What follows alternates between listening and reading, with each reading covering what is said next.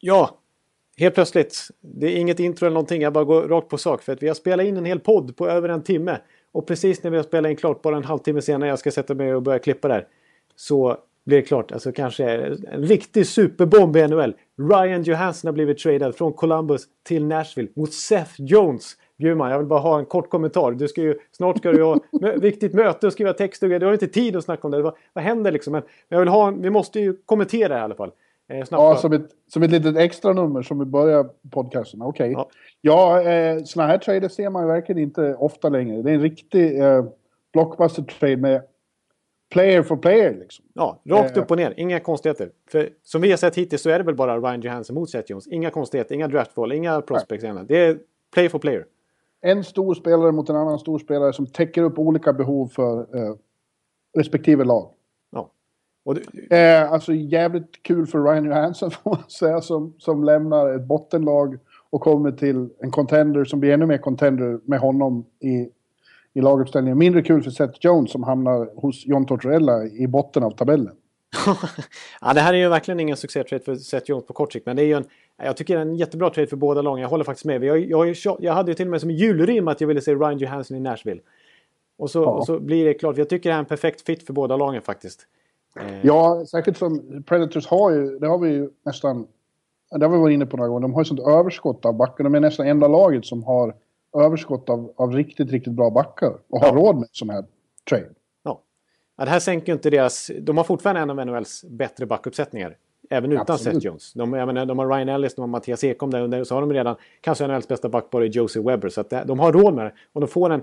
Alltså verkligen, alltså, borderline första center just nu. Han har lite formsvag så här, men man kan definitivt argumentera för att han är en bra första center nu. Men på sikt så har Ryan Johansson jättepotential att bli en pålitlig point per game-spelare faktiskt.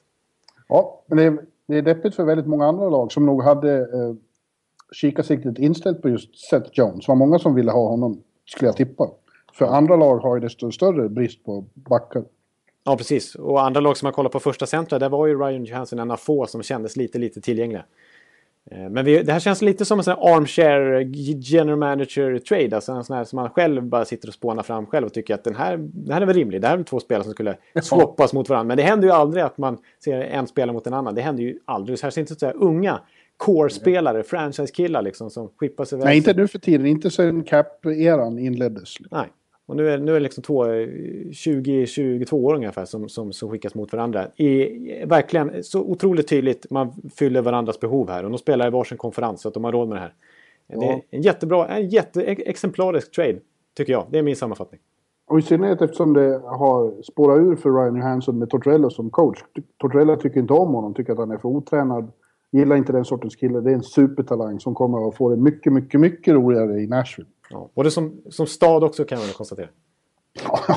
ja, det, det, det tror jag inte han har hunnit tänkt på än, men ja, det kan man ju lugnt konstatera. Ja, men det var en, en härlig bomb. Vilken dag det blev på trademarknaden. Ja, precis. Ni, ni kommer hoppas märka... Det, hoppas det blir, eh, vad heter det, ring, ringar på, på vattnet så det blir fler. Ja, tänk om ni, alltså vilken galen podd vi får spela in nästa vecka när vi har hur mycket som helst att diskutera, allt vi har missat. Det kanske bara fortsätter nu precis när vi har tryckt av på eh, om den här grejen. Ja, men vi får nöja oss med det extra numret. Nu måste jag jobba på Jonathan. Ja, jag förstår det. Jag, ursäkta, och, och, men jag... Lyssnarna, eh, varsågod. Här kommer eh, den ordinarie podcasten.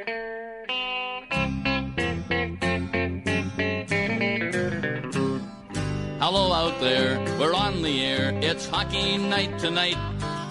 Tension grows, the whistle blows, and the puck goes down the ice. The goalie jumps and the players bump and the fans all go insane.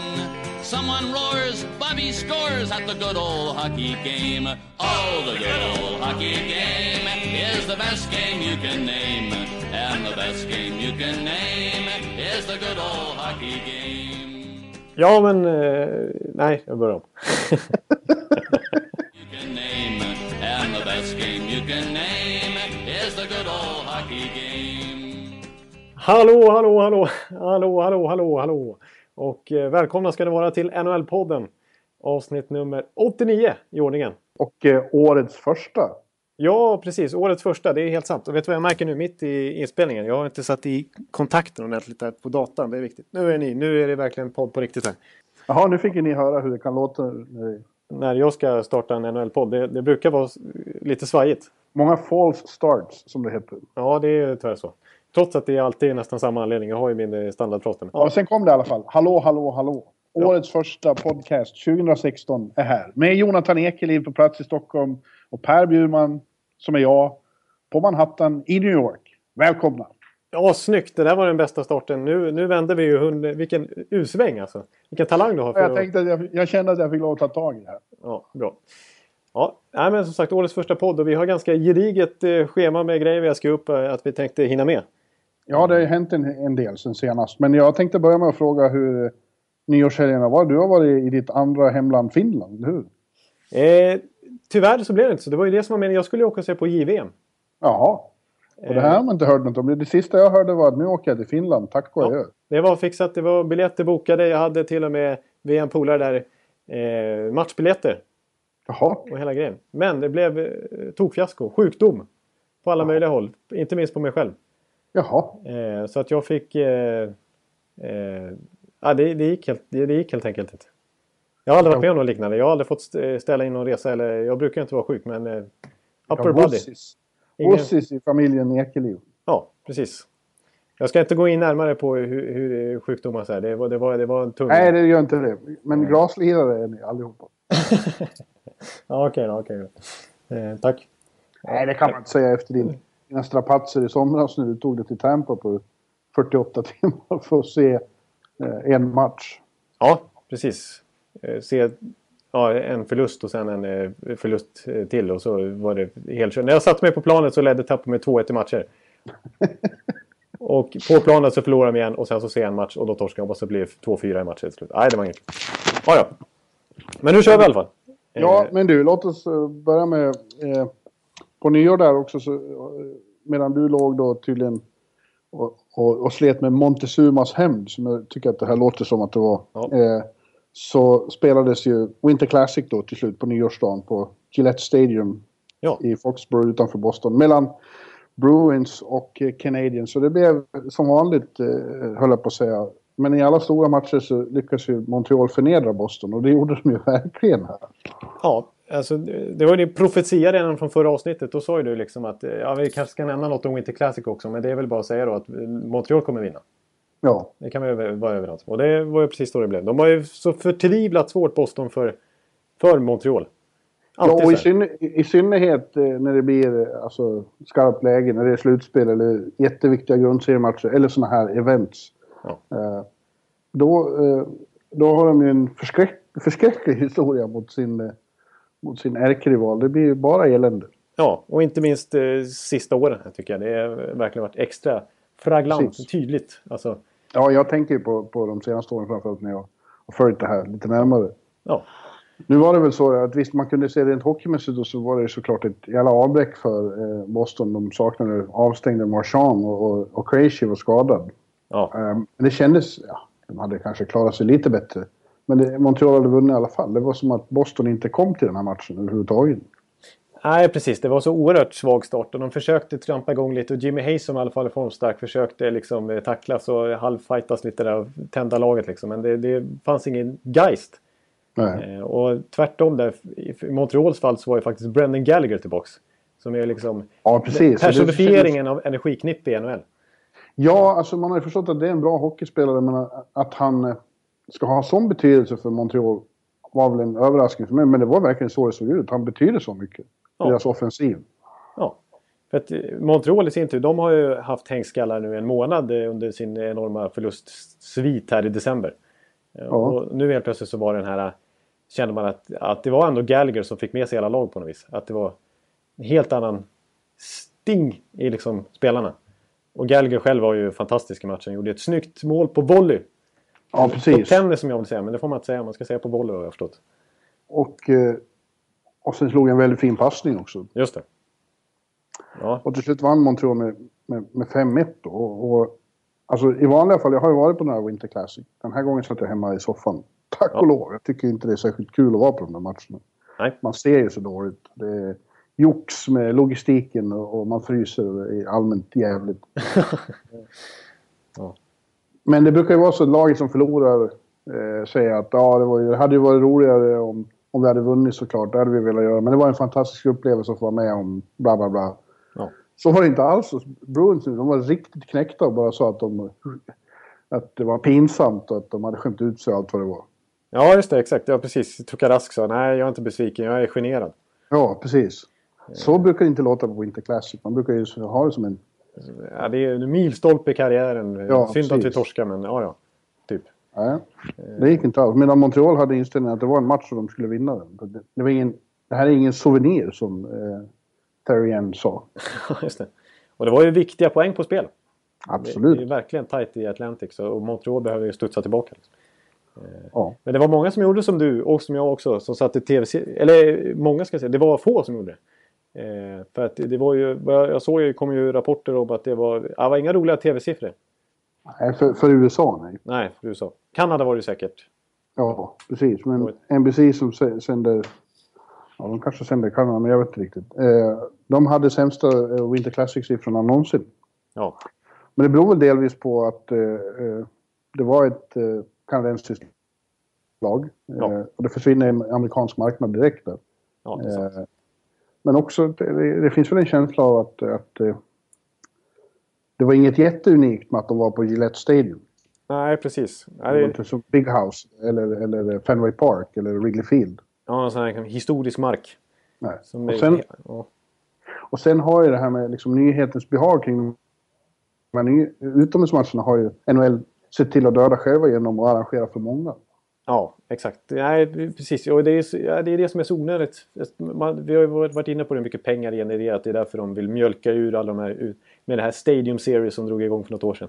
Ja, Som, alltså, men det urvattnar ju det här med utomhusmatcher fullständigt. ja, För nu, det, det jag skulle köpa om det var en Winter Classic varje år. En utomhusmatch varje år. Att det blir världens prestige i den. Men nu när det liksom är till och med tv-serier om de här andra utomhusmatcherna. Då, liksom, nej, då blir det inte så intressant längre. nej. nej, det är verkligen så. Det kändes inte riktigt lika... Alltså tänk första eh, Road to Winter Classic på HBO. Alltså vilken, Ja, det var ju... vad magiskt det var få Ja, det var magiskt. Så känns det inte nu. Nej. Det var som när, alltså när, man, när, när det var ett HBO, när man skulle se det där eh, avsnittet. Man längtade ju. Det var ju som när introt Ja. kom igång. Då var det som Robinson-introt 98 liksom. det var ju som man bara, åh. Är det din referensram? Ja, det, det var ingen creddig referensram. Nej, inte riktigt. Nej. Sopranos skulle jag säga då. Okej, förlåt. Ja. Eh, ni behöver inte dra några slutsatser av det.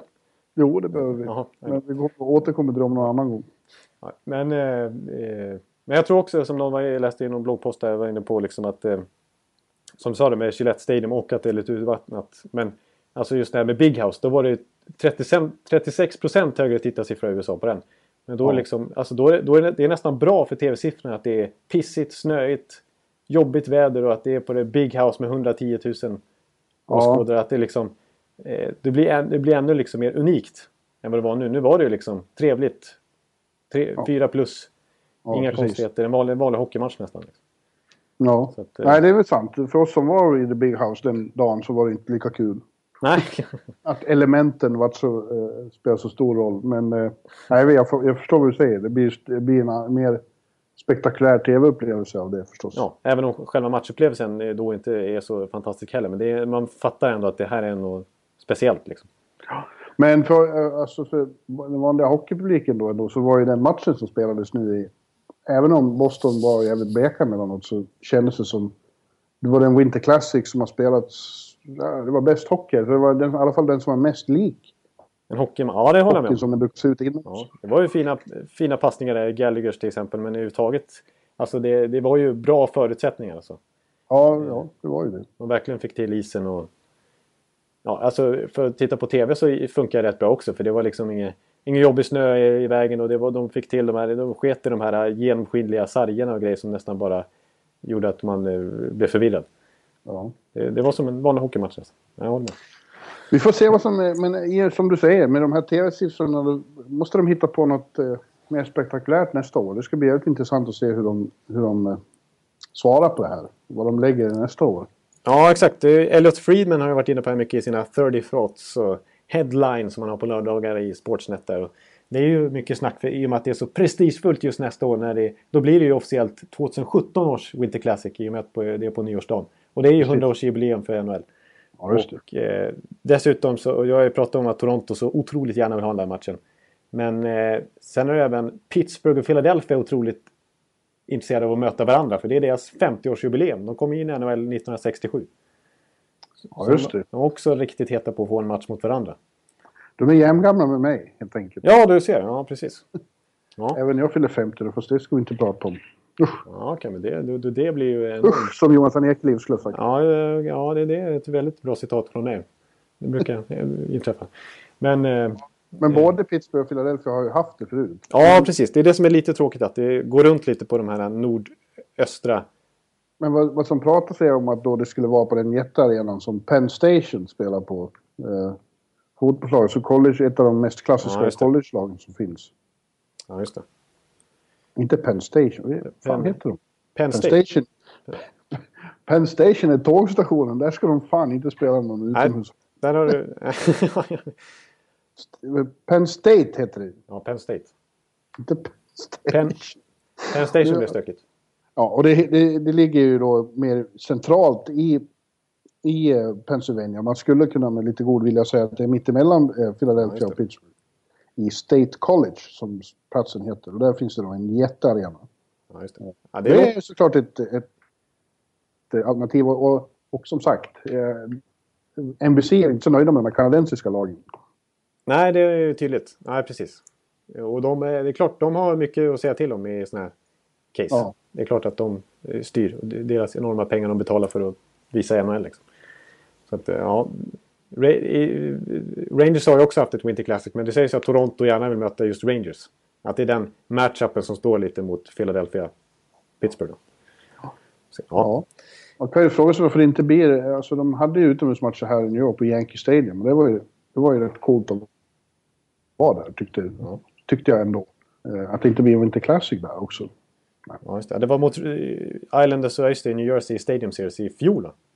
Nej, två år Två sedan. år sedan är det nu. Ja, det är två år sedan. Ja, ja det var i och för sig rätt coolt. Men... eh, Ja, fast det är ju, det å andra sidan är ju det därmed gjort. Så det känns väl inte lika hett. Nej, man vill ha en... en- Det var väl detsamma. Jag tycker de kan spela på månen. Då skulle det bli... Skicka upp lagen till månen. De här är så vältränade så de klarar väl en, en raketuppskjutning. Ja, det ska de fixa. Ja, det, det, då, det känns som att de, måste- de, måste, de måste hitta på någonting i alla fall. För så otroligt kommer det skulle jag inte fixa lyfta. raketering. Ja, det löser du. Eh, ringa hem till Flash på tidningen och säga jag behöver, jag tänkte resa till månen. Ja. Ja, det behöver bara sju års utbildning och 17 års Ja. utbildning kanske. och Lite. Och ett Det- par miljoner i reskostnader. Ja, men det löser ju Flash. Det, det, men... Eh,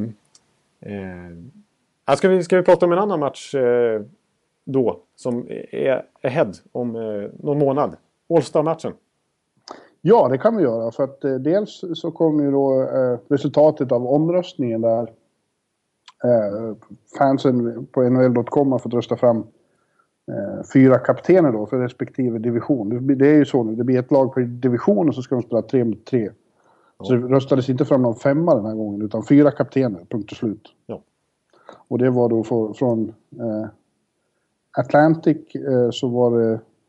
Fan var det? Jaromir Jagr, våran favorit. Ja, men för, förstås. Ja, Eh, och sen var det Alex Ovechkin från Metropolitan, så var det Patrick Kane från Central och så var det då mycket skämtsamt gjort av eh, läsarna John Scott från Arizona. ja precis. Det är ju... Eh, det finns ju eh, citat om honom som NHLs sämsta spelare så att säga. Ja, det var ju, eh, det var ju han Puck Daddy som eh, iscensatte den här kuppen tror jag. Ja, precis. De körde exakt. eh, och, Scott eh, for All-Star. Ja, och den eh, får man säga att den funkade rätt bra. Det var en rugg- ruggig succé för dem måste man säga. Och riva Ja. hem den. Få han eh, hela vägen till All-Star. Han vinner ju liksom. Han tar ju en kaptensroll till och med. Eh, Jag undrar vad, undrar vad NHL tycker om det. För det, det, det gör ju lite jippo av eh, något som redan är ett stort jippo. ja, det är ju en jätteparodi för, för NHL. Det är ju ett, det är ett fiasko för dem lite grann. De blir Ja. ju ägda av sina fans här. Ja, det blir det. Ja, Det är lite kul för att eh, det sägs ju då att han säger inte det, men jag hör ju bakom kulisserna att, att eh, eh, Gary Bettman han älskar All-Star. Det är det viktigaste evenemanget på hela året för honom. Jaha, så pass. Ja. Ja visst, det är då det, sporten ska marknadsföras utanför eh, den traditionella publiken. Ja. Och eh, det här tror jag han gnisslar tänder över. Men det är väl roligt att fansen får hämnas på honom lite. ja, det har man rätt, all rätt att göra med tanke på vad han har ställt till med några gånger. Ja. När det ska bank, bank förhandlas om nya lön, kollektivavtal till exempel. Ja. Men, ja, Ja, det där får vi diskutera en annan gång. Jag är ju, jag är ju lite Batman-supporter. Du är det ändå? Ja. Ja, ja alltså, det, han får ju väldigt mycket skit. Ja, alltså visst, det, det finns, jag håller med dig. Det, det, det finns många goda sidor han har tillfört NHL också. Ja. Väldigt mycket. ja, men sen idag då, eh, onsdag som det är när vi spelar in det här, då eh, kom resten av laget också då. Och det är ju då... Eh, eh, nu kommer jag av mig. Ja, jag, jag håller på att strula med min kontakt igen. Men nu fick jag in den ordentligt, så nu är det lugnt. Ja, NHL tog ut ytterligare 40 spelare idag då. Eh, och eh, fördelade på de olika divisionerna. Och man kan konstatera att eh, vi har några svenskar. Vi har Erik Karlsson i, i Atlantic. Ja. Eh, vi har Daniel Sedin i Pacific. Eh, och vi har... Inte minst Niklas Bäckström. Ja, Niklas Bäckström äntligen från Metropolitan. Han, han har ju inte fått vara med förut. För regeln är ju att det ska vara minst en från varje lag. Ja. Eh, vilket gör att det inte blir, det blir inte de största stjärnorna eh, på, grund av, på grund av den eh, Regeln. detaljen. Ja, det är regeln. Och det har ju då gjort att Niklas inte har varit med för att Ovechkin alltid ska vara med, såklart. Ja, Liksom. ja. Men, men nu har de fördelat om det lite då så att det fanns plats även för, för Beckis. Och det var ju rätt kul. Ja, högst välförtjänt. Han gör ju en eh, minst lika bra säsong som vanligt. Han är, Ja. ligger på, där på en poäng per match och har ju spelat fram till x antal Ovechkin-mål. Ja. så att, eh, han, han förtjänar det. Även om, som du varit inne på lite grann, när John Scott kommer med, det här med att man, no, att man är med i en All-Star-match. Det, det är liksom, värdet känns ju inte så trovärdigt längre så att säga. Den, den meriten som... Eh, det är klart det, det, det är en merit men, men samtidigt, det är inte som, som förr när man snackade om att eh, ja, Peter Bondra played in seven All-Star games. Liksom. Nej. Det, Nej, det finns, det finns många aspekter på det där. En, just det där med att alla lag ska vara representerade, vilket man i och för sig kan väl förstå, eh, gör ju att, som sagt, eh, det, det är många stjärnor som inte kommer. Eh, Samtidigt ska man ha klart för sig att det, det är väldigt många som inte vill också. Eh, de, eh, de får en nästan veckas lång ledighet på grund av årets Allstar. Eller det är väl en vecka. Ja, precis. Och det är väl eh, ja, i, i, nästan en vecka i alla fall. Och det är ju fantastiskt vanligt att man då drar till Barbados eller någonting. Ja, de blåser ner till Karibien nästan allihop. Ja. Och de, framförallt äldre säger det, de, de behöver ju det här, säger de. Liksom, en veckas ledighet mitt i säsongen gör dem enormt gott. Ja, Jag vet ju en till exempel, en kapten i Detroit som jag tycker, han har inte gjort en All-Star-match. Och det, det kan vi säga så här, det beror inte på att inte Inter L har varit intresserad om vi säger så. Det är mer att herr Zetterberg alltid när det har varit dags för den här sortens uttagningar får, får, får mystiska problem med handlederna och inte kan. nej. Den, klassiska All-Star eh, upper body-skadan som dyker upp där. Ja. Högst eh, mystiskt och oturligt. Ja, ja så kan det vara. Eh, så att man ska ha klart för det, det är inte så att de som inte har blivit uttagna sitter och är ledsna nu. Om vi tar Henrik Lundqvist till exempel då, som inte blev... eh, Nej, precis. kom- utan eh, Braden, den givne Braden Holtbys sällskap blir Corey Schneider från New Jersey. Ja. Och sett till den senaste månaden har ju han varit bättre än Lundqvist. Och dessutom då så, så måste eh, han få representera eh, Devils. Då Ja. måste jag med honom. Ja.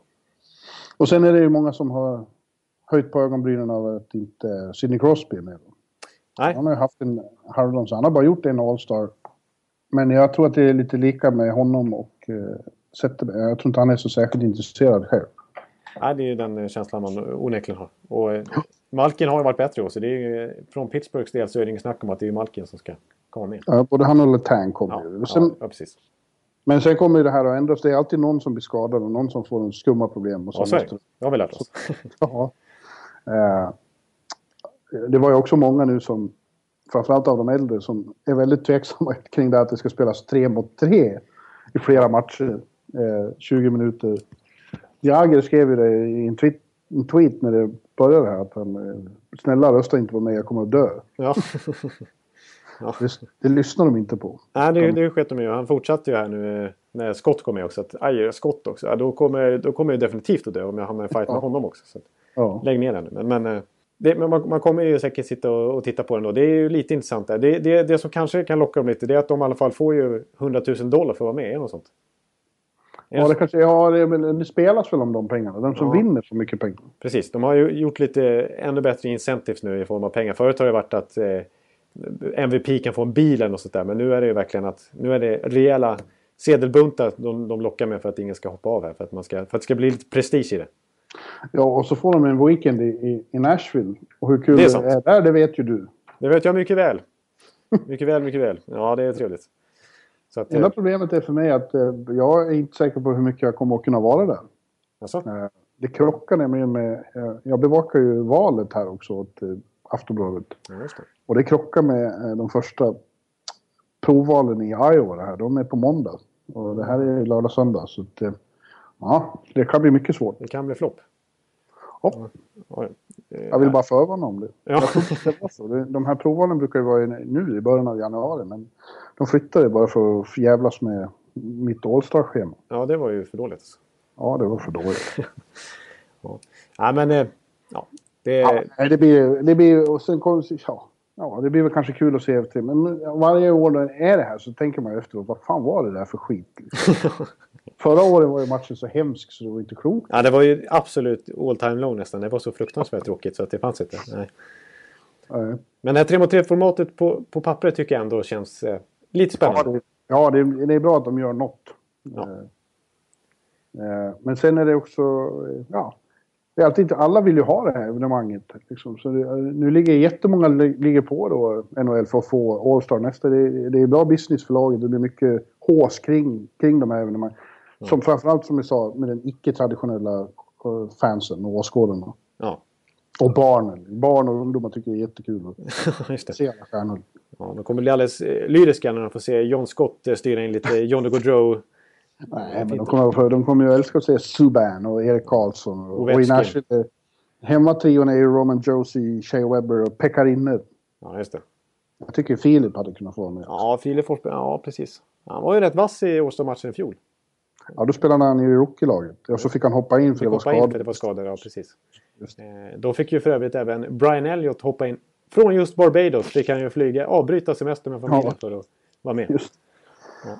Men eh, vilka tror du får det nästa år? Då är det alltså 20... Ja, det blir 2017 då. Ja, det, ja, det kommer att ha någonting med 100-årsjubileet att göra det också. Så. Det har varit snack om att Los Angeles, att de ska köra Hollywood-grejen då. Jaha. Mm. Har du hört det någonstans? Är det också... Uh, uh... Kan vara Friedman eller, eller... Ja, det är någon av de creddiga.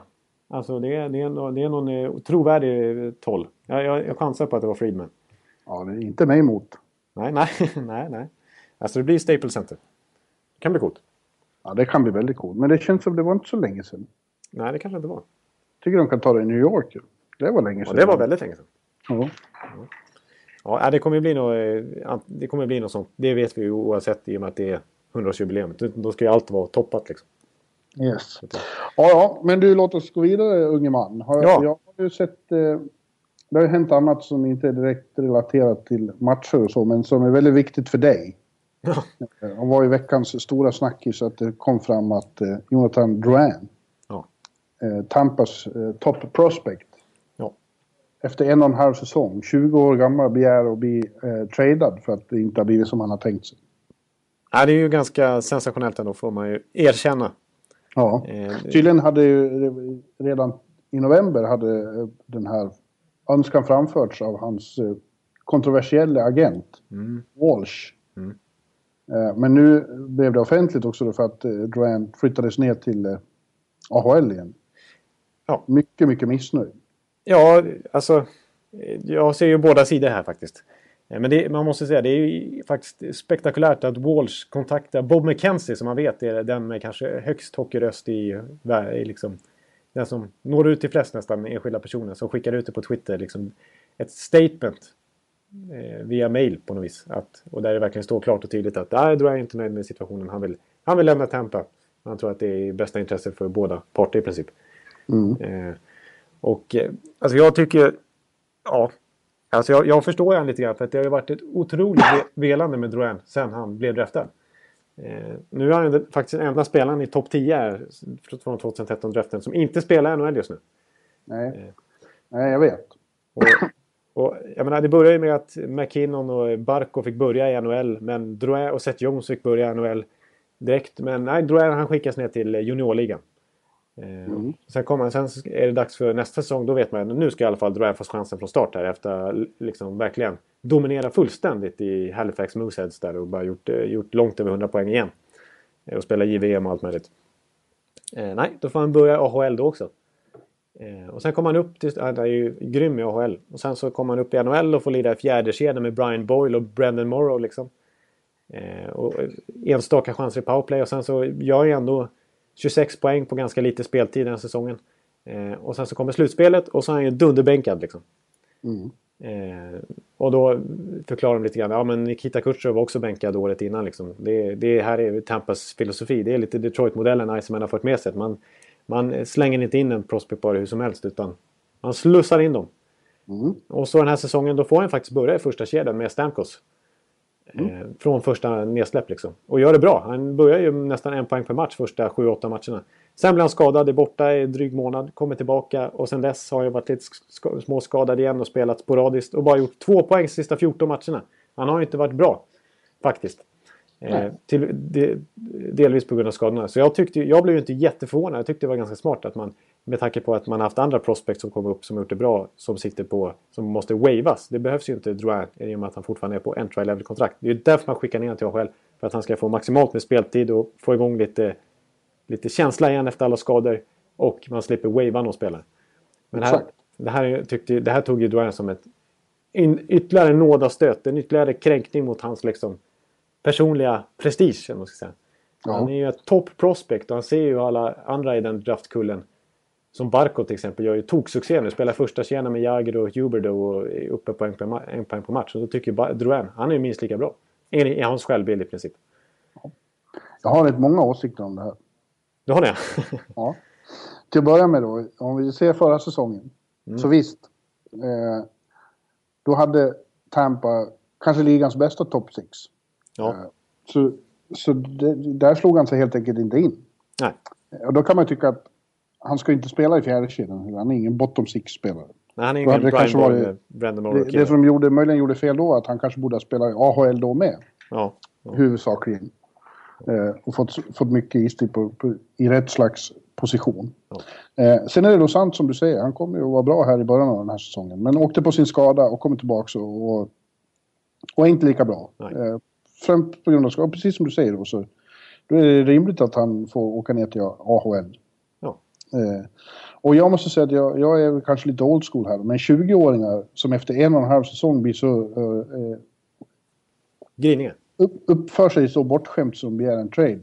Vi kan ju säga så här, det är inte så man vinner eh, respekten hos eh, andra NHL-proffs. Eh, det ses inte med breda ögon att en 20-åring uppför sig på det här sättet. Kräver en plats i topp 6. Liksom, ja, precis. Det är ganska bra när man ska peta Killorn eller, eller Ondrej Palat. Liksom, typ. Ja, så eh, det finns ju hos alla som har tagit sig, kämpat sig till en plats i NHL finns det ju uppfattningen att man ska earn, earn your spot. Eh, ja. han, han, skulle vinna respekt hos andra om han tog sig ner, åkte ner och bara borrade ner huvudet och spelade fantastisk hockey och visade att han ska spela. Eh, det är, så, det är så det går till. Det har gått till. Oavsett hur Barkov och McKinnon, vad som händer med dem, det har inte riktigt med saken att göra. Nej, nej precis. Nej, det här är ju en enskild, enskild fall. Liksom. Han, det, är ju, det är ju hans karriär det här handlar om, inte Barkovs eller McKinnon. Han måste ju sköta För övrigt så tror jag inte att uh, unge Duran har så mycket val. Jag tror att uh, det är vad som uh, finns. Det är alternativet som finns. Hur mycket, vad han vill och inte vill spelar ingen roll. Jag tror inte Iceman vill trada honom. Så, såvida ingen plötsligt ger honom du vet. Oliver Ekman Larsson. Ja, ja då, är, då är det en annan sak. Men, men eh, var, varför skulle de trada bort honom? De har ju... Även om ni fans då kan tycka att han har blivit, de har misshushållit med honom och inte gett honom någon riktig chans. De har ändå mycket investerat i honom. De tog honom när de hade ett högt draftval. De tog honom före Seth Jones till exempel. Ja, han är ju otroligt viktig för deras framtid. Ja. Eh, så att det skulle otroligt mycket till för att de ska trada bort honom. Exakt. Tror jag. Exakt, och i, i det läget som man tradade honom då såg man ju honom mer eller mindre uttalat som alltså Marty St. Louis ersättare som ny radarpartner till Steven Stamkos. Det här var ju en, en kille som på, på lång sikt, alltså under lång tid kommer vara en första kedjekille och liksom en framspelare. Ska säga. Ja, det framgick väl rätt tydligt också i Icermans första kommentar om att uh, han bara konstaterar att ja, vi har, vi har noterat att uh, han vill det. Uh, men på tisdag morgon ska han inställa sig hos Syracuse. Ja. Det är allt vi har att säga. Ja, det var en extremt kort eh, kommentar. De blev tvungna att bemöta det med ett officiellt uttalande på hemsidan. Men det var precis bara det du sa. Det var två meningar från Iceman, punkt. Ja, det var rätt kallt. Corporate. Ja. ja och... Så att, men jag tror att eh, han eh, gör nog bäst i att bita ihop och försöka ta sig tillbaka bara. Ja. Jag, jag, jag, kommer att tänka lite grann på en, en spelare som jag eh, hanterar en sån här situation på lite mer respekterat sätt. Nu är inte han lika stor, eh, ett, liksom, hypad talang då, men Jakob Delaros. Mm. har fått åka ner i AHL igen efter att det kändes ungefär som han hade etablerat sig. Eh, när han eh, fick spela 40 matcher i rad i slutet på fjolårssäsongen och var med i slutspelet för Montreal och sådär. Mm. Eh, han, han var ju liksom besviken har han ju sagt när han, när han, kom, när han lirade i AHL i fjol. För då kände han att han... Han var ju bättre än många av de här AHL-spelarna som kallades upp. Och han var ju bättre än de som fick spela powerplay i, i Hamilton som det var då. Eh, ändå så envisades coachen med att nej, du ska spela tredje center liksom. Men vadå, jag, jag, det hjälper ju laget om jag kommer in och spelar powerplay. Jag, jag, jag kan ju bidra här liksom. Men då förklarar de för nej, du ska, det ska du liksom inte klaga. Det håller inte att liksom komma här och... och ja, verkligen inte. Nej. Och dels så är det, är det, så här att vi tänker på din karriär här. Du, du, vi ser dig som en... Inte som en första centerkille som ska bära den här organisationen framåt. Utan du är en, en, en bra PK-kille. Du är en bra du kommer vara en bra tredjecenter för oss framöver. Så du är lika bra att du får den rollen här i AHL-laget också. Så kriga på och gör så gott du kan i den rollen här så kommer du få den rollen i, i NHL-laget också. Och han fortsatte och, och slutade liksom tänka på det och bara gick in för den här tredjecenterrollen. Och så blev han uppkallad och så fick han stanna hela säsongen sen i NHL. I fjol. Mm. Då, tog man, då, då liksom fick han rätt mindset där. Ja. Så det är ju ett bra exempel att titta på. Man kan ju titta på, eh, vad heter han, Corey Hodgson också. Ja, just det det gick inte lika bra med den här sortens eh, attityd. Attityd om att man ska eh, minsann få rollen utan att ha riktigt förtjänat den. Bara genom sitt rookie-rykte i princip. Eller prospect ja, jag, jag som är old school-gubbe, ja, gubbe kan vi väl bara säga. Jag, jag, får ju eh, känslan av att eh, det här är en, ett Nej. problem hos din generation. Ja, det är 90-talisterna 90 här vet du. Ja, att det känns som, eh, och framförallt de här hockeyspelarna som har varit bra hela sina liv. Eh, de får uppmärksamhet så tidigt nu. De blir ju stjärnor, framförallt här i, i Kanada. Ja. De är ju stjärnor när de är 14-15. Ja, visst. Duran har liksom 200 000 följare när han är 17 bast och spelar OHL. Liksom. Ja. Eller QMJ så, var i hans fall. Så att, äh, de blir väl lite uppfuckade i huvudet och, och, och tror att äh, världen ligger ja. framför dem. Det är bara att simma ryggsim i vaniljsåsen här så kommer allt att bli bra. Ja, jag, alla, äl, alla älskar mig och det har alltid gått bra. Eh, det, jag tror inte det är så nyttigt. Nej. Nej, det är nog inte ett bra mindset när man kommer in i NHL och faktiskt måste slåss om platsen. Nej, och blir, många blir uppfostrade att de är så fantastiska och unika och allt vad fan det är. Ja, ja, eh, nu låter jag verkligen som en gammal gubbjävel. Jag ber om ursäkt. Men jag tror att du har en poäng. Man måste kunna hantera adversity. Ja. Det är ett klassiskt eh, amerikanskt uttryck där. Adversity, ja. det gillar jag. Ja, annars, annars eh, så, så klarar man sig inte i livet. Det kommer att bli motgångar och man kommer inte att vara så speciell och unik och fantastisk i alla lägen. Nej. Men, men, men, då vill jag bara säga att, att, i Tampas fall här, när det är så mycket trade det sägs ju liksom att det är i princip att det är mängder av lag som redan hört sig för. Det är Larry Brooks, din kollega uppe på i Madison Square Garden där. Han vill värva honom till New York Post. ja, just det. Nej, men han har ju sagt att, eh, att, eh, liksom, att his Ja, Rangers är tydligen väldigt ja. eager ja. på draft. Precis, och det är, det är fler. Jim Benning har ju i Vancouver sagt att han har visst hört sig för. Han har hört sig för om både Drouin och Ryan Johansson. Men att, att priset för de här två talangerna är så högt så att han kommer inte gå vidare med det. Tvillingarna till Tampa. Ja. ja, nej, men... ja, ja, hörde man. Du vart alldeles drömsk där. Ja, ja jag tänker på lönetaket också. Det blir, det blir svårt. Men, ja, eh, Rangers har ingenting de kan ge dem. Eh, de har inga fler... Ska, ska, ska, ska Första dra... val. Nej, precis. Jag, jag, jag skämtade med Tobias Pettersson. En, ja. alltså en riktig blogglegendar, det är han ju verkligen. Han är mest, mest eh, inlägg i din blogg genom tiderna tror jag. Är det? Ja, de senaste åren i alla fall så är han den ivrigaste kommentatorn. Han svingar åt alla håll och kanter. Och, eh, ja, mycket uppskattad såklart eftersom han skriver jämt. Ja. Eh, Han kom ju med ett trade-förslag till mig. Från Rangers. Ja. ja. Eh, så jag lekte Steve Eisman och han lekte, lekte Gorton där. eh, och jag vet inte om jag ska acceptera inte, men jag lyssnar i alla fall. Så jag la inte Jaha. på luren. Nej. Eh, utan eh, trade-förslaget det var... Eh, lyssna, det är stökigt. Det handlar mycket om lönetak där faktiskt. Eh, det är Keith Yandel, Chris Kreider och din stora favorit, allas favorit, Tanner Glass. Mm. Mot, mot Jonathan Duran, Matt Carl och Tampa Bays första val i draften här i sommar. Ja. ja. Vad säger du då? Ja, men alltså... Ja, ja, ja, det, vissa som har kommit med förslag till mig, de har ju märkt att jag blir väldigt enticed så länge man liksom slänger in Matt Carl. Att, man, att vi på något sätt kan bli av med honom, baka ihop honom med Duran. Då, då tappar ju Durans värde enormt, men då blir vi å andra sidan av med Carl. Hans hemska kontrakt, han tjänar ju mest av alla backar i laget. Och han är en stoppkloss både på isen och på, i lönetakssystemet. För att eh, han gör ju att vi kanske inte kan förlänga med, med Kutjerov eller Stamkos eller med Palat eller Hedman i framtiden. Han måste bort.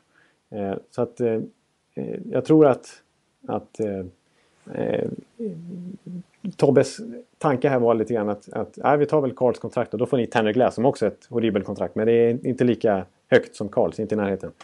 Och eh, vi får Jandel som blir lite rental då, för vi kommer nog förmodligen inte kunna förlänga med honom ändå. Eh, men vi får i alla Jag fall... tycker, jag tycker det är så rart att ni två alltid säger vi. Ja, ja, men, så. Ja. men nu är ju jag Steve Eisenman in person här känner jag. Ja, men Ja. ni säger ju alltid så. Ja, det är sant. Ja, De här miljardföretagen, de, de, ni, ni, är, ni är du och jag med dem. ja Ja. precis. Eh, nej, så jag, ja, så Chris, det blir ju liksom ett... Och då får vi offra ett första val också, för det behöver ju Rangers naturligtvis. Men, men om de ska ta emot Carl också. Ah, jag vet inte riktigt vad jag säger, men jag tycker det... Ja, det, det är in- inte katastrofalt förslag. Men det har kommit mycket, det var snack om Ryan Strome, att man ska göra så här raka prospect eh, trades liksom mellan andra prospects som som har lite eh, unga spelare som har lite tufft. Alltså Ryan Strome i New York Islanders, Mikael Granlund i Minnesota. Har jag Och. Nashville då? Eh, Seth Jones där. De har ju redan så mycket backar. Ja, det är ju en, per, en sån perfekt fit. För de behöver ju en forward dessutom. Men, men eh, då, Seth Jones är nog för mycket värd. Eh, Jag, har ju, jag skrev på Twitter att jag så gärna vill ha Colton Pareko. Från St. Louis. Men, men han har också högre värde än Drouin. Ja. Nu drömmer, dagdrömmer du för mycket. dag, jag dröm, dagdrömde om Sami Vatanen också. Jag menar, Anaheim, Anaheim sitter ju på Fowler och Lindholm och Vatanen och Shea Theodore och sådär. Så att, Vad tror du de lyssnare som brukar klaga på att du pratar för mycket Tampa? Ja, tror ja, de är- de får när, det- du, när du får gå loss på det här sättet. Nu Ja. måste vi avbryta det här. ja, nu sitter Jag tror de, att de, de kastar sina hörlurar i, i raseri. På Ja, någon vi- stackare. Ja, du kan dagdrömma bäst du vill. Jag tror inte att eh, det blir något. Nej. Han blir kvar i Tampa. Ja, precis. Och jag tror, och så här, så här vill jag bara avsluta då, det här och säga att det kanske är bra för att det riskerar ju att bli en, en Kyle Turris, Tyler Seguin-grej det här. Att man Ja. trädar bort den mot för dåligt utbyte för att man hamnar i en sån här situation. Där, där, där de försöker tvinga sig bort och så går man som förlorare ur det. Quality sleep is essential for boosting energy, recovery, and well being. So, take your sleep to the next level with Sleep Number. With a Sleep Number smart bed, you can individualize your comfort level and enjoy a better sleep night after night. JD Power ranks Sleep Number number one in customer satisfaction with mattresses purchased in store. And now, the Queen Sleep Number C4 smart bed is only $1,599, a saving of $300, only for a limited time.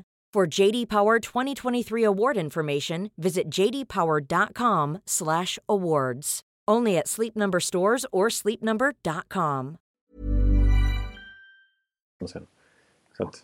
Mm, Ja, Nu tycker jag istället vi åker söderut och pratar lite mer. Så, vi gjorde ju det redan förra veckan, men det är väldigt svårt att undvika det andra Florida-laget. Det bra Florida-laget. du vill verkligen kompensera här nu. Eh, Stabilisera upp Florida det. Panthers. Eh, de är värda mycket mer uppmärksamhet än Tampa Bay Lightning just nu. Ja. Eh, igår, tisdag, så tog de alltså tionde raka segern. Eh, borta mot Buffalo. Ja, Tio raka, det är faktiskt riktigt jävla bra. Ja, det är sjukt. Man, man tyckte det nästan var overkligt när Montreal började med nio raka segrar. Ja. Det kanske var mest för att det liksom var direkt i starten på säsongen. Men nu har alltså Florida tio raka. Det är ju helt sjukt. Ja, eh, och ser väldigt eh, svårslagna ut.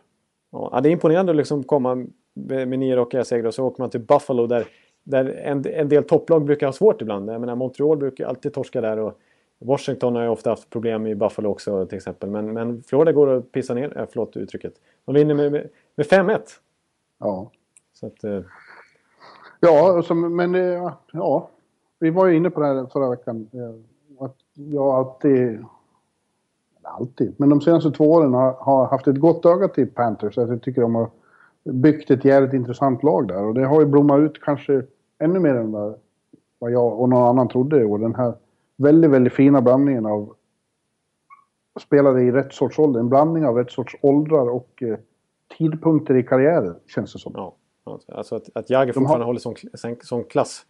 Ja, de har några riktigt fantastiska unga begåvningar som har fått spela något år nu. är på väg att bli riktigt etablerade super-NHL-proffs med Barkov, Hu- Huberdeau och Ekblad.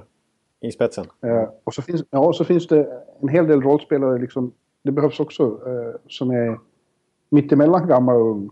Och sen några riktigt gamla rävar då, med, med, med, framförallt med Jagger i spetsen. Då, detta unikum. Ja. Detta tjeckiska unikum. Ja, det är ju ett, det är så mycket nu kan, det kan bli alltså. Så är det bara. Nej, men, 43 år och han är poängbäst i laget. Ja. ja, det är sjukt. Nej, men, ja, men som du säger också där med unga spelarna som vi har varit inne på i år efter år som vi liksom hypat att de borde, nu, att, att de har pusselbitarna för att bli riktigt bra. Men nu är, det- nu är de förbi den här sophomore-slampen också. De har ju varit i ligan två, tre, fyra år vissa av dem nu. Alltså. Huberdeau till exempel, men också Bjugstad och Barkov är ju redan inne på sin tredje säsong. Ja. Alltså nu är, nu är de etablerade NHL-spelare och nu börjar de blomma på riktigt. Och nu tar ju hela laget fart på något helt galet sätt faktiskt. Ja, ja, ja alltså, det, det blir ju, de har ju ett jävla självförtroende nu också. Eh, eh, Rangers var en jävla... Lundqvist pratade om det efteråt, att eh, han tyckte att Rangers gjorde en bra match där. Och då blir de ändå nollade. Ja. Florida vinner med 3-0. Otro- Han tycker de spelar otroligt smart spel offensivt. Och de har självförtroendet att de skjuter inte så mycket. Eh, utan de väntar på lägena och skjuter när de har riktigt bra lägen och då blir det mål. ja. Det gjorde det otroligt svårt för honom som målvakt. Liksom. De föredrar ju om det bara sprutar skott. Ja, men det, det var en poäng som vi snackade om. Det där måste jag bara dra en parallell till för några veckor sedan när vi snackade om när Mike Salaman kom in och fick en tuff start i Pittsburgh och började gnälla på att vi måste skjuta mer och John Torell- Tortorella sa samma sak. Skjut nu när vi kommer in i zon. Vi måste ha liksom skott på mål. Då blir det mål. Alltså det, det, har man bra eh, kvalitet som Pittsburgh till exempel som verkligen Florida har nu. Då är det liksom, låt spelarna lira istället och, och verkligen göra mål istället. Ja, när de har så pass bra självförtroende och det fungerar. Eh, Så ja, det var ju Lundqvists bild. Han som står där tycker att det är svårare när, när folk eh, Och lite is i magen. Is, eh, exakt. Och det där kan man ju argumentera mot dessa statsfigurer som alltid säger, som, som mäter Som vill ha eh, skottfrekvenser så, så enormt mycket. Lägger sån fantastisk vikt vid det. Eh, Jag brukar ju tillhöra den skalan. eh, Titt Ja. som tätt ibland. Ja. Ja, men jag, jag sågar inte, men jag, jag måste alltid påpeka att Ja. det är inte hela sanningen ni hittar där. Nej, det är ett komplement. Ja, Ja, men, eh, och det, det börjar ge lite effekt. Nu ser man till exempel att Dale Talon nyligen fick förlängt som general manager. Eh, och vad gjorde han då i sin tur? Gerard Gallant, tränaren där, fick förlängt nu också i veckan. ja som man inte haft några särskilt jättehöga tankar om förut. Nej. inga låga heller, men han verkar ju vara en, en väldigt eh, bra coach. Ja, väldigt uppskattad och hyllad av spelarna. Liksom. Ja. Kul att notera är ju också att så fort det går så här bra, då börjar det faktiskt bli folk i BB&T Center där ute i Sunrise också. Ja. Jag har, ju jag har inte varit där, men jag har sett på TV. Det ser ut att vara riktigt fullt på läktarna faktiskt. Framförallt Ja. är det ju det när, när lag som Rangers och Detroit och sådana dyker upp. Men eh, det har varit även på andra matcher. ja, jag tyckte jag läste någonstans, eh, om det var Talon eller om det var nyägaren där, en halv nyägaren som sa att, eh, att resten av resterande hemmamatcher vi har den här säsongen så har vi redan nu, om man räknar in säsongskortsförsäljningar, minst 12 000 per match. Eh, Ja. Biljetter sålda. Det är rätt bra med tanke på för, för något år sedan när de kunde ha publiksiffror på 6 000. Ja, och då ändå när man väl satt där och såg så var det inga 6000. Nej. Det är, alltid, det är alltid ett jävla dribblande med publiksiffrorna i de där hallarna. Ja. Ja. Jag har ju varit där när det inte har varit, det har ju varit tomt i nästan. Ja. ja men det, så är det ju. Det har man varit helt otroliga bilder därifrån. Alltså Ja. hur lite folk det är. Ja. Eh, Då har de ändå haft gratisbiljett och allt möjligt. Ja, det är ett problem som vi har varit inne på förut att hallen ligger där den ligger ute på ett jävla träsk. Eh, 45 minuter väster om Fort Lauderdale. Ja, Det hade ju varit en annan sak om de låg i centrala Fort Lauderdale eller Miami. Men nu är de där de är och eh, går det bra så kommer folk. Ja, och de kommer förbli där. Det, det, nu kan man ju ge upp tanken på att de skulle flytta Florida Panthers till en, eh, ny stad. För att eh, de har ju bundit upp sig där på 13 nya år, eh, i alla fall leasen med arenan. Då. Ja, Så det blir ännu svårare att flytta organisationen. Så att den känns ju stabil nu och ägaren som tog över det för något år sedan så är ju fullt fokuserad på att eh, få klubben att eh, blomstra i, i södra Florida igen. Liksom. Eh, och det har han lyckats med hittills. Ja. Vi kan också konstatera att Roberto Longo upplever en väldigt fin säsong. Eh, Ja. Och har en bra backup i Al Montoya. Ja, det är lite oväntat tycker jag. El Montoya som är en riktig journeyman. Han är ju Ja. på väg att förtjäna Jason LaBarbera-status där. Liksom. Ja. Men, men han är ju stabil när han får spela. Och Luongo är ju liksom verkligen den gamle Luongo. ja. Alltså, lika, bra som han var, ja, lika bra som han var förra gången han var i Florida. För tio år sedan. Jag tror att han och eh, sådana som Jagger och han, de trivs väldigt bra där nere. För det är så, även om det nu då, så, är- såklart är jättekul att det, att det kommer folk på matcherna så är det mediala trycket noll och intet jämfört med marknader de har spelat på förut. Det är inga journalister som följer dem. De, de, ibland när de har träningar så är det ingen där. Nej. Det, så är det inte riktigt i Vancouver om man säger så. Nej, där har du fem lokaltidningar i princip som har Ja. sina egna crews liksom, på plats. Och jag tror också de har väldigt kul. Alltså de, han och Jagger och, och Willie Mitchell och Sean Thornton. Brian Campbell. Ja. Det känns som ett jävligt, jävligt skönt gäng. Precis. Och Jagger är ju, han är ju en sån underbar superpappa där så att Ja. eh, han är ju klockren. Som alla, alla andra unga spelare i de lag han har spelat i på senare år. Så jag såg Huberdo och sa igår att eh, det är sån fantastisk ynnest att bara ha honom runt omkring sig, studera honom. Man lär sig något precis hela tiden. Framförallt om eh, arbetsetik, work ethic.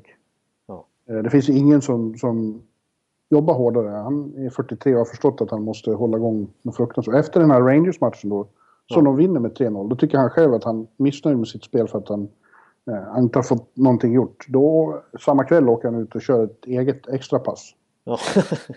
Fast det är back-to-back. Dagen efter har ja, det är helt bisarrt. Det är Då gör han fullständigt två sjukt. mål. Alltså. Ja.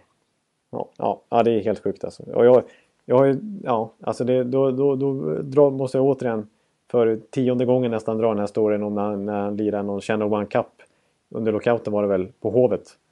Helt meningslös turnering för en 41-årig, 40-årig jägare när man var då.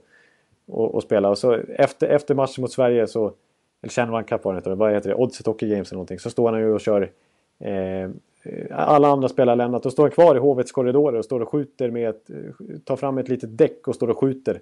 För att han ska träna sina handleder. Liksom, långt efter att alla har dragit. Ja. Sjukt. Detta efter allt han har redan varit med om och uppnått. Ja, han behöver ju... Ja. Sjukt. Ja, magnifikt. Och, det, det är ju inte så att... Förr var det ju så att folk kunde håna NHL och säga att titta vad mycket gamla gubbar som, som bara hänger kvar. Liksom. Det, det visar att det inte betyder så mycket grundserie. Nu är det ju faktiskt, som vi har varit inne på, en young man's game. Han är den enda som är över 40 i hela ligan. Ja, ja, precis. Ja, det var ju rätt vanligt förut. Alltså. Ja, Jag menar, Chelios kunde ju nästan hålla på till han var 50. Höll jag på. ja precis. Eh, Det är domöd nu. Men Jagger är ett, som jag sa nyss, ett unikum. Ja, precis. Ja, det ska bli jävligt intressant att följa och se om de håller i det här. De lär ju bli ett slutspelslag och de kanske kommer att vara laget som representerar Florida i slutspelet. För det andra laget, eh, de ser inte så vassa ut. Nej, de, de väljer att inte fördjupa mig så mycket i, i den här veckan. Nej. Eh, jag har sett en massa hockey här. Det har varit intensiva dagar i New York-området. Eh, Dallas var här och spelade eh, först i New Jersey, sen i Brooklyn och i, igår i New York. Och det gick fullständigt åt helvete för serieledarna. De tappade sin serieledning. Ja, Tre raka förluster och innan de kom hit så hade de inte förlorat två raka på hela säsongen. nej, ja, det höjer man på ögonbrynet åt. Ja, och det gick bara sämre och sämre också. Mot, mot New Jersey fick de ju en poäng Mm. i alla fall. Hämtade in 2-0 underläge och fick en poäng men fick stryk på övertid. Eh, sen mot eh, den konstiga matchen ute i Brooklyn Ja, som var var, mål på mål på mål. Ja. ja, då låg de under med 5-2 efter, efter två perioder men kom eh, så pass nära så det var 6-5. Eh, och sen var det en total flopp här mot Rangers. eh, de fick stryk med 6-2 och efteråt var de uttalade oerhörda invektiv om sig själva. Lindy Ruff skrev att vi skämde ut oss fullständigt. Ja, det var väl till och med så att Lindy Ruff eh, bänkade under långa stunder i slutet eh, Tyler Sagan och Jamie Benn till och med tror jag. Ja, de var bänkade i tredje perioden. Ja. Och Ben sa också efteråt att eh, vi spelade stupid hockey. Och jag var fullständigt horrific. eh, och eh, ja, de var alltså, de släppte till otroligt enkla mål. Eh, det var öppet, öppet bakåt och Rangers kunde verkligen ta. Kalasa. Ja. Ja, kalasa på offret. Ja. Det var ju lite förvånande för att... Eh, men nu är det väl så att alla lag, även de bra, har ju faktiskt några svackor per säsong. ja. Det skulle förvåna mig väldigt mycket om inte Dallas tar sig ur det här rätt snabbt. Det är så pass begåvat lag ändå. Ja, ja precis. Ja, det, kom, det kommer de göra. Och vi har ju sett, alltså det, ja, det skulle alltså jag menar, Montreal, nu fick ju de, hade ju de Care Price och Gallagher borta, men de började ju så enormt bra. Sen så kom den här hemska månaden när de inte kunde vinna en match. Liksom. Så alla lag har ju, kommer ju någon gång att råka in i en sån här svit. Men Problemet för Dallas i därvid lag är väl att de har inga skador att skylla på. Nej, det är sant. särskilt eh, spelare. De har haft enormt att- lite man games lost. Alltså, Ja. väldigt tur med på den fronten. Men eh, eh, ja, ja, de ligger ändå så pass bra till i tabellen så de kanske helt enkelt har svårt med inspirationen. Jag vet inte. Ja. Eh, Jag kan tänka mig det. Måste, måste handla om något sånt. Men ett annat lag jag tycker vi ska snacka om. För att eh, nu ser jag att eh, klockan börjar ticka på. Vi ska ju hinna ta ut den finska eh, VM World Cup-truppen också.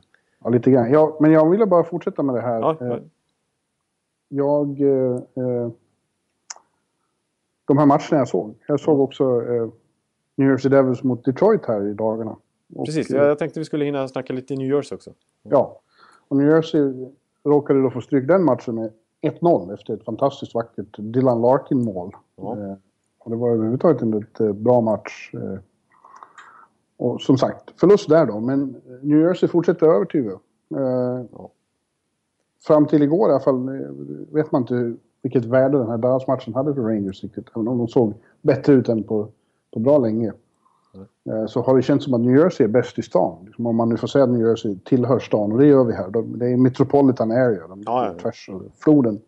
Eh, och eh, tidig Jack Adams-kandidat är ju John Hines, coachen i New Jersey. Han har ju gjort fantastiska saker med ett, på pappret, mycket bristfälligt lag. Ja, alltså precis. Alltså, vi snackar ju om, jag kommer ihåg att jag snackade i alla fall i vår preview inför, inför säsongen att, ja, det, att, att det ser nästan ut som ett tanklag. Alltså.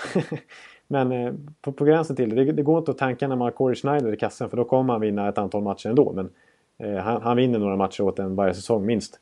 Men, eh, men på pappret, jag menar så, här, så Travis Sajak som kändes nästan slut förra året. Gjorde bara 18 poäng och liksom bidrog inte defensivt på det vis man är van vid heller. Och Mike Camilleri, det, det är ju ingen att hålla i handen. Det är ju verkligen ingen stor stjärna eh, längre liksom. Eh, Tyckte man. Och eh, Lee Stempniak får spela i första kedjan. Han kunde ju inte ta en plats i varken Rangers eller Winnipeg. Eh, och de här unga backarna, Severson och Adam Larsson, visst de har börjat etablera sig, ser bra ut. Men det är inte helt stabilt det heller, tänkte man. Men alltså nu är det, nu, som du säger, alltså, lag, det lagspel de har fått ihop där, det måste nästan vara bäst i, i stan. Och, Ja, och man frågar om både killarna i laget och de runt omkring, de journalisterna som följer dem. Det, det handlar mycket om Heinz just. Ja. Eh, dels så tränar de tydligen hårdare än de någonsin har gjort, säger Adam. Stenhårda träningar. så pass? Ja. Ja, och det har gett resultat. De har också fått en väldigt stark känsla av eh, att de har en enormt sammansvetsad grupp. Eh, och fått in den här vi mot världen Eh, vi får segra under radarn. Ingen Gamla bryr klassiska New Jersey-auran får man säga. Ingen, ingen bryr, ja, fast utan... Lamoriello. utan de eh, negativa. De har, de är på bra humör men de är emot världen. Ja. Och sen säger de också att Heinz är eh, extremt... En, en extrem hockeymind med en extrem förmåga, en extremt bra pedagogisk förmåga. Ja. Eh, jag såg ett uttalande av John Moore, backen, häromdagen. Han sa att eh, eh, sakerna den här coachstaben lär ut eh, liknar ingenting jag varit med om under min NHL-karriär. Ja, det är precis. Det, det är just den typen av uttalanden tycker jag dyker upp här. Där Bobby Farnham som de tog upp från, på waivers från Pittsburgh. Mm. Eh, Heinz hade ju honom i Wilkes Bar förra säsongen.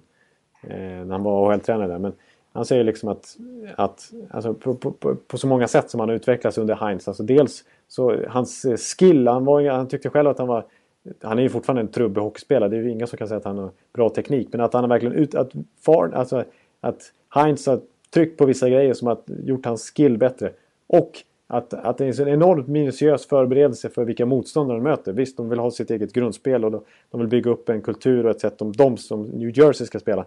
Men inför varje match så har han extremt noggranna och pedagogiska, som du säger, liksom matchgenomgångar där de verkligen Ja. Alltså så, här, så, så att de verkligen vet hur de ska möta det här laget och hur de själva ska spela mot det här laget. Liksom.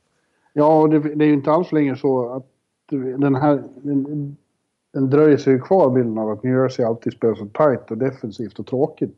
Ja. Eh, det gör de inte alls, utan tvärtom. De kan göra det också. Ja. Men de har väldigt många fler strängar på lyran. Ja, de spelar intensivt skulle jag säga snarare än, Ja, liksom... hårt, hard working. Och det kommer väl av den här träningen. Och det, Lindy Ruff sa ju det efter Dallas-matchen där att eh,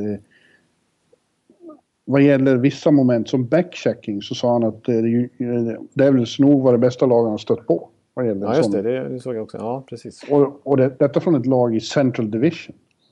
Ja, ja precis. Ju, där finns det ju backcheckarlag så det heter säga. Ja, Ja, nej, det, det är faktiskt coolt. Och en spelare som jag inte nämnde här som jag, vill bara, som jag tycker vi inte har nämnt i podden som har gjort 17 mål den här säsongen. Personligt rekord. Han gjorde bara 14 mål som bäst i Ducks under flera år. Det är Kyle Palmieri.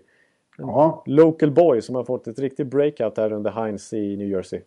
Alltså 17 baljor, det är ju med, med topp 10 måste han ju vara i hela NHL. det är väldigt starkt gjort. Så att, eh, Det är också en typisk sån spelare man kände som hamnade där. Sådana som har blivit över lite. ja. Alltså, det, det, finns någonting där men, men de har inte fått ut det i den miljön de varit i tidigare. Det, fin, det, någon coach kan få igång den här spelaren. Liksom. Och det har Heinz fått. De får ju mycket av eh, Mike Camilleri också. Just nu Ja. är han lite ska- skadad då, day to day. Men eh, Jättebra har- säsong. Ja. ja, precis.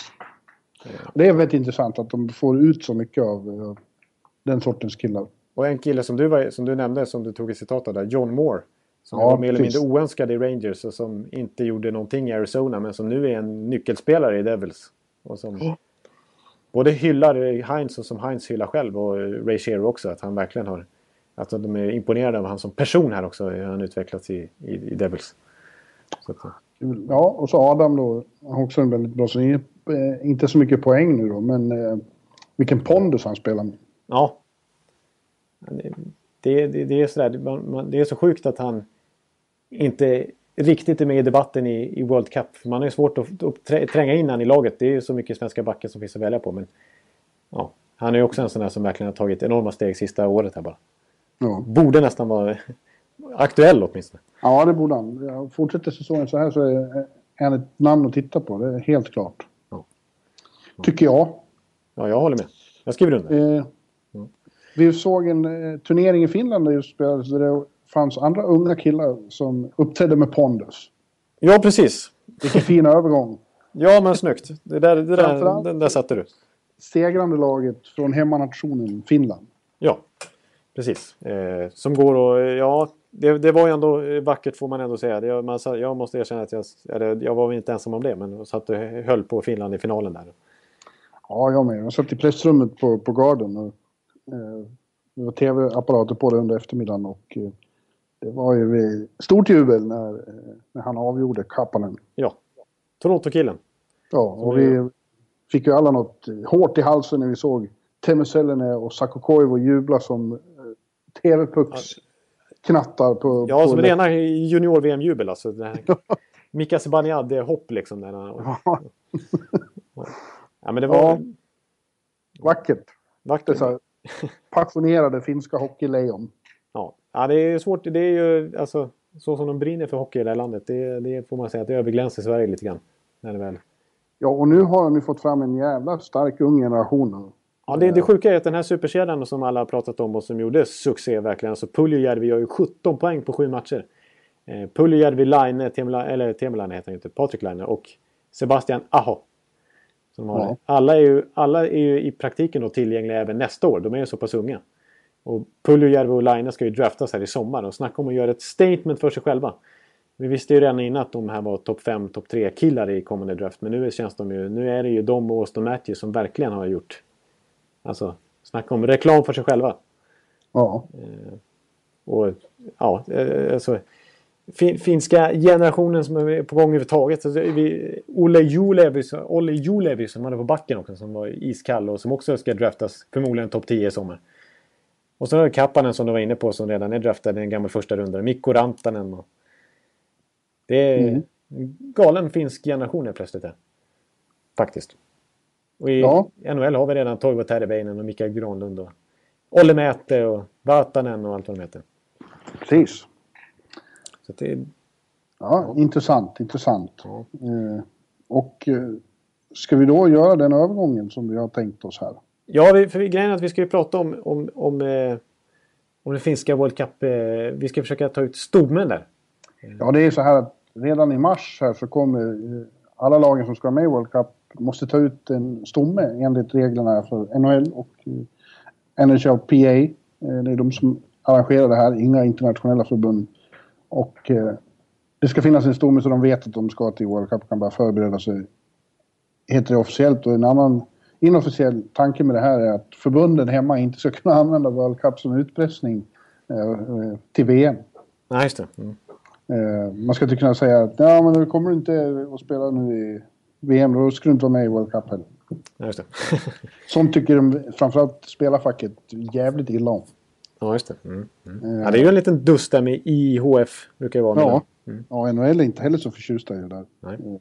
Eh, så att eh, en stomme jag vet inte exakt vilka antar det, men det är väl en målvakt, fyra backar och typ eh, 8-9 forwards. Som kommer vara med i de här ursprungstrupperna då. Ja, ty tyvärr har vi inte det här exakta siffrorna så vi freestylar lite och kör den varianten då. Ja, men vi tänkte vi skulle de kommande veckorna ta ut en sån här stomme åt alla lag som får vara med.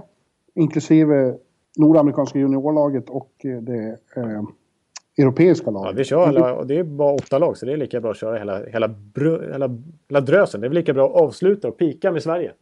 Ja. Och eh, då börjar vi med Finland. Det passar ju bra eftersom de då gick och vann. Och vad gäller Finland ville jag då, eh, alltså gick och vann JVM. Mm. Eh, vart så fin övergång där. Nu fuckar vi väl upp den lite, men ändå. eh, Ja. Vad gäller finska hockeyspel så jag har bara koll på de som är i NHL och det är inte så jättemånga nu för tiden. Inte jämfört med Det är Sverige. bara De har, 26 spelare tror jag, finska spelare som har gjort eh, NHL-matcher i år. Ja, 26 utespelare Ja, det, antal målvakter.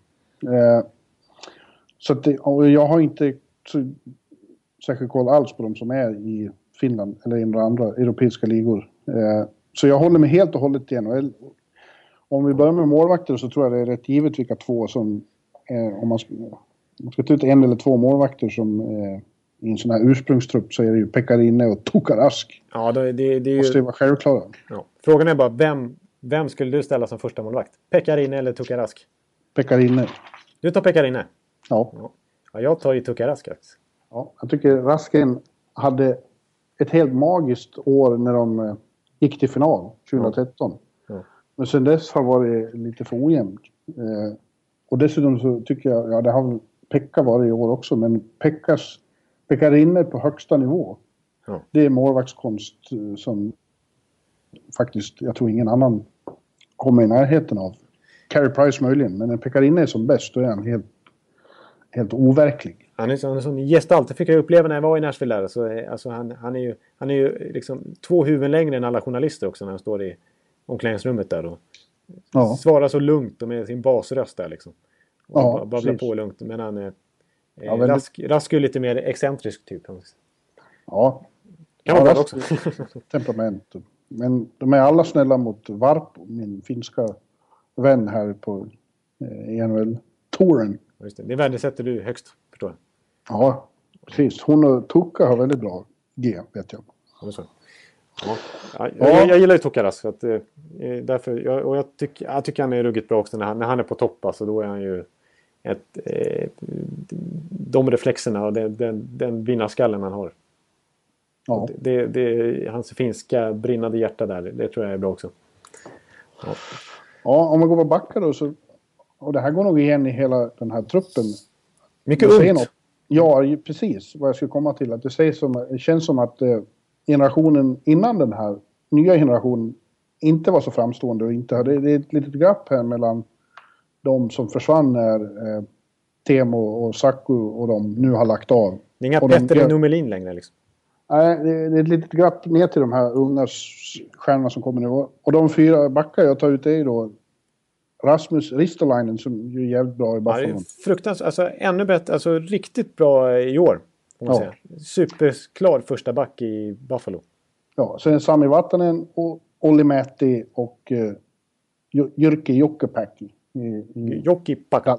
Jokkipäki. Ja. Inget Päckki där. Nej.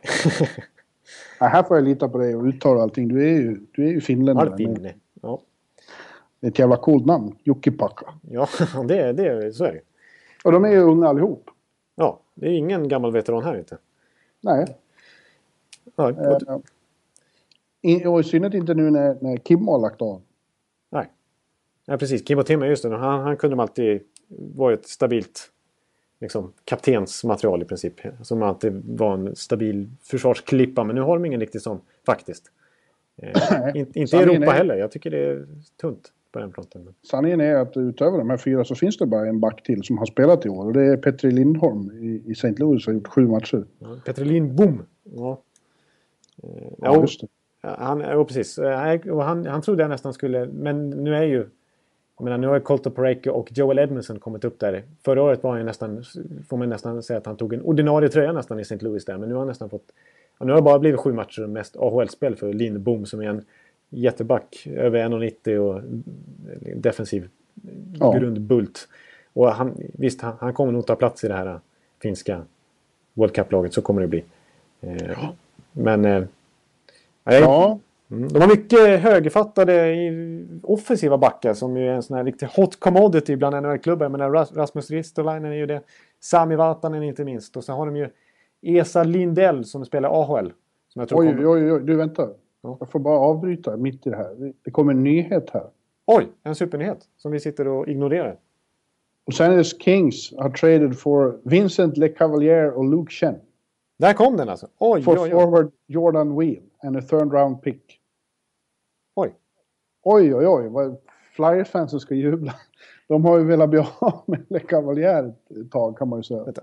Ja, precis. Man måste nästan gå in och titta vad Niklas Wiberg skriver faktiskt. Ja, det kan, bli, det kan ju vara historiskt. Det kan vara mycket utropstecken och versaler och grejer. Vänta, jag- jag måste ju se traden framför mig här.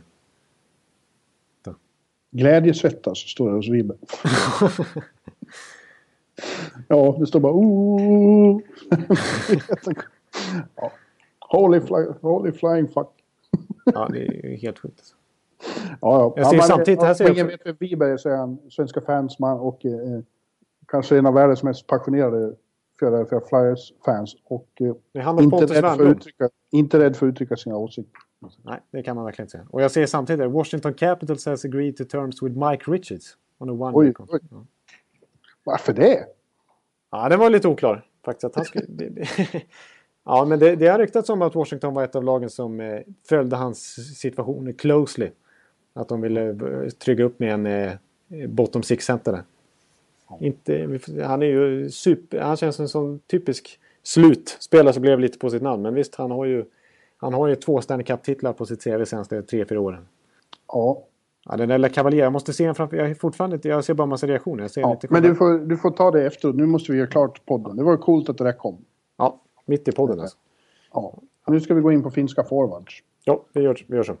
Och där kan vi börja med att den som var allra bäst poängmässigt är ändå en eh, lite veteran och det är Mikko Koivu. Eh, Som är ändå 32. Exakt. Eh, och eh, nu skadades han igår. Såg lite illa ut ett tag. Han gjorde illa ryggen och blev körd till sjukhus. Men han tog sig, han kunde gå i alla fall. Ja. Eh, i- och- och Komarov i Toronto som ju också gör en väldigt bra säsong. Så kommer i All-Star. Ja, Eftersom att Toronto måste skicka någon spelare. han är väl också, eh, i, ja han är 28 år. Ja. Eh, så här, här har vi ju då lite sådana spelare. Men sen är det mycket unga där. kan man också. Ja, jag vet inte om han platsar riktigt. Ja, Eh, men vi har ju Barkov, vi har Granlund, vi har Tere- Tere- Tereväinen, Pulkinen. Pulkinen och han i, i San Jose, vad heter han? Donskoj. Ja. Jonas Donskoj, ja. Ja, och sen är det frågan då om sådana, om Jori Lehtere och Filppula eh, ska vara med i en sån här ursprungstrupp. Tror att det kan bli aktuellt med de här kidsen som vi just har sett, någon av dem? Eller någon som är hemma i Finland? Jag, jag tror inte att någon av dem är med i ursprungstruppen i alla fall, de här, när de ska ta upp första namnen. Men alltså det är ju inte alls... Jag utesluter inte alls att de kan faktiskt... Någon av dem kommer med i, i eh, sluttruppen. Alltså jag, jag tycker ju Aho är riktigt bra. Han har, ju, han har ju verkligen varit bra i den finska ligan i år också. Han är väl den som... har- Han är ju ett år äldre också men... Eh, sen kanske inte han har den här NHL-storleken. För att det, som, som inte är så viktig längre har vi varit inne på. Men eh, när det trots allt ska spelas på små rinkar sen i Toronto där. Men eh, Puljujärvi, ja, blind, det är inte alls omöjligt att de kan ta en plats. För att, eh, sen har vi, jag menar, det, det är ju som du, som du säger, det är mycket unga spelare som kommer göra upp om platserna till slut. För att Tuomo Ruto och sådana som alltid är med. Ja, men det, det, det känns som att det finns öppna platser där faktiskt. I truppen. Det är några som är givna Ja. naturligtvis, men eh, jag, jag tror absolut att det kan komma in lite unga spelare. Eh, från Rantanen och Kapanen är väl inte helt omöjliga heller faktiskt. I, eh, kanske inte i bruttotruppen, men till slut. Ja, precis. Att, eh, Ja, ja, men så som eh. Lauri Korpikoski också, det kan man ju säkert peta. Ja precis. Ja, no, han var helt okej också. Ja, det får man säga. Ja, jag, jag, jag, jag, tog faktiskt ut tre kedjor. Jaha. Klara kedjor. Får du höra vad, vad du tycker om dem då? I en bruttotrupp. Det är Jussi Jokinen, Jokinen faktiskt. Alexander Barkov, de är ändå i Florida och spelar dock inte samma kedja. Och Toivo Terveinen. Mm. Ja, en bra kedja. Eh, Ja, och sen så kanske jag faller för mycket för Valtteri Filppula, men jag tycker fortfarande han är en hyfsad spelare, även om han inte är så effektiv. Eh, Valtteri Filppula, Mikko Koivu och Mikael Granlund. Mm. Jag, jag sätter Granlund Koivu och. Granlund tillsammans. Ja, precis. Jag sätter Granlund på en kant. Han, han brukar kunna lira kant i finska landslaget också. Så att...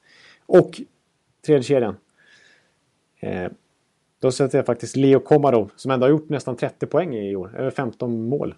Mm. Eh, Juri Lehtere som jag tycker ändå ska vara med. Och Jonas Donskoj. Japp. Eh, och då har vi sådana namn som till exempel Teemu Pulkkinen jag lämnar utanför.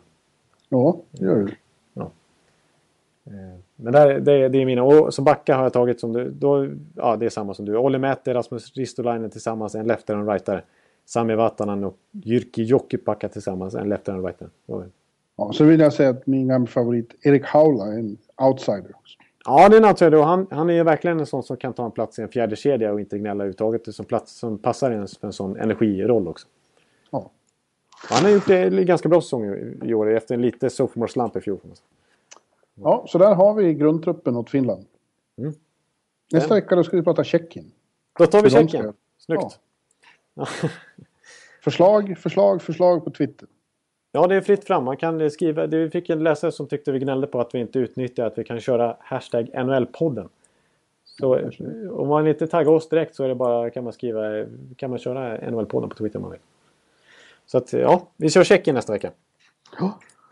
Ja, men du, nu måste jag göra lite andra grejer här. Eh, Ja. Det är dags för oss att gå vidare. Det är dags för mig att sätta mig in i verkligen här vad som händer med Wiener Lekauli helt plötsligt. Eh, Det var ju stökigt, mitt i podden. Ja, men då återstår det bara att säga då vem som är den bästa 89 innan vi slutar för gott den här veckans podd. Ja. Och eh, ja, det är, inget, det, är inte, det är inte lika starkt nummer som 88 förra veckan. Nu hade Patrick Kane och Brent Burns bland annat. Eh, bäst 89 poängmässigt och som gör en stark säsong. 30 poäng. Det är ingen snack om att det är Mikkel Bödker. Ja, just det. Det är en bra 89 ändå. Och så glömde du Erik- Lindros förra veckan. Ja, jag vet. Det var ju patetiskt. Ja. Eh, Nu kan... får du bara göra det här tio gånger till. Det måste kännas Ja, tråkigt. just det. Oh, det har jag inte tänkt. Jag har inte, den, den tanken har jag inte slagit med. Det är bara tio gånger till. Det är ju trauma. Histor- Det är ju hemskt. Jag älskar ju det. Det är din idé från början. Där. Ja, precis. Jag vet inte om du någonsin gjorde nummer ett. Nej, jag gjorde aldrig nummer ett, så det kanske får bli 101. Kompensera på det. Ja, jag måste få lite... Jag kan inte bara sluta tvärt på 100, det går inte. Men, Men, eh, 99. Den blir svår. ja, den, den, den kan jag nog sätta redan nu, känner jag. Att jag har en chans. Ja, men du eh, Ekan, nu måste jag jobba med annat. De hör av sig från redaktionen här. Så. Oj, oj, då, då är det dags att avsluta. Ja. Eh, bäst 89 genom tiderna. Alexander Mogilny. Bra avslut. Tycker jag. Ja, men du tack. eh, Jag får väl önska god fortsättning till dig och eh, lyssnarna från New York. Och vi hörs nästa vecka igen om eh, ditten och datten. Ja, ditten och datten. Det blir, det blir perfekt. Vi, Då, då hinner vi spela en låt också som vi faktiskt har fått av Viktor eh, Norén som vi glömde bort nu. oj, superlåt. Jag tyckte Ja. den var 5 plus.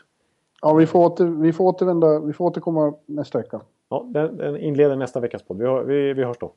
När vi pratar ditten och datten. Adjö! Adjö! I like it. I like it. I like it. I like it. I like it, I love it, I want some more of it. I try so hard, I can't rise above it. I like it, I love it, I want some more of it. I like it. I like it. I love it. I love it. I love it. I love it. I like it, I love it, I want some more of it. I try so hard, I can't rise above it. I like it, I love it, I want some more of it. I like it. I like it. I like it. I like it. I like it.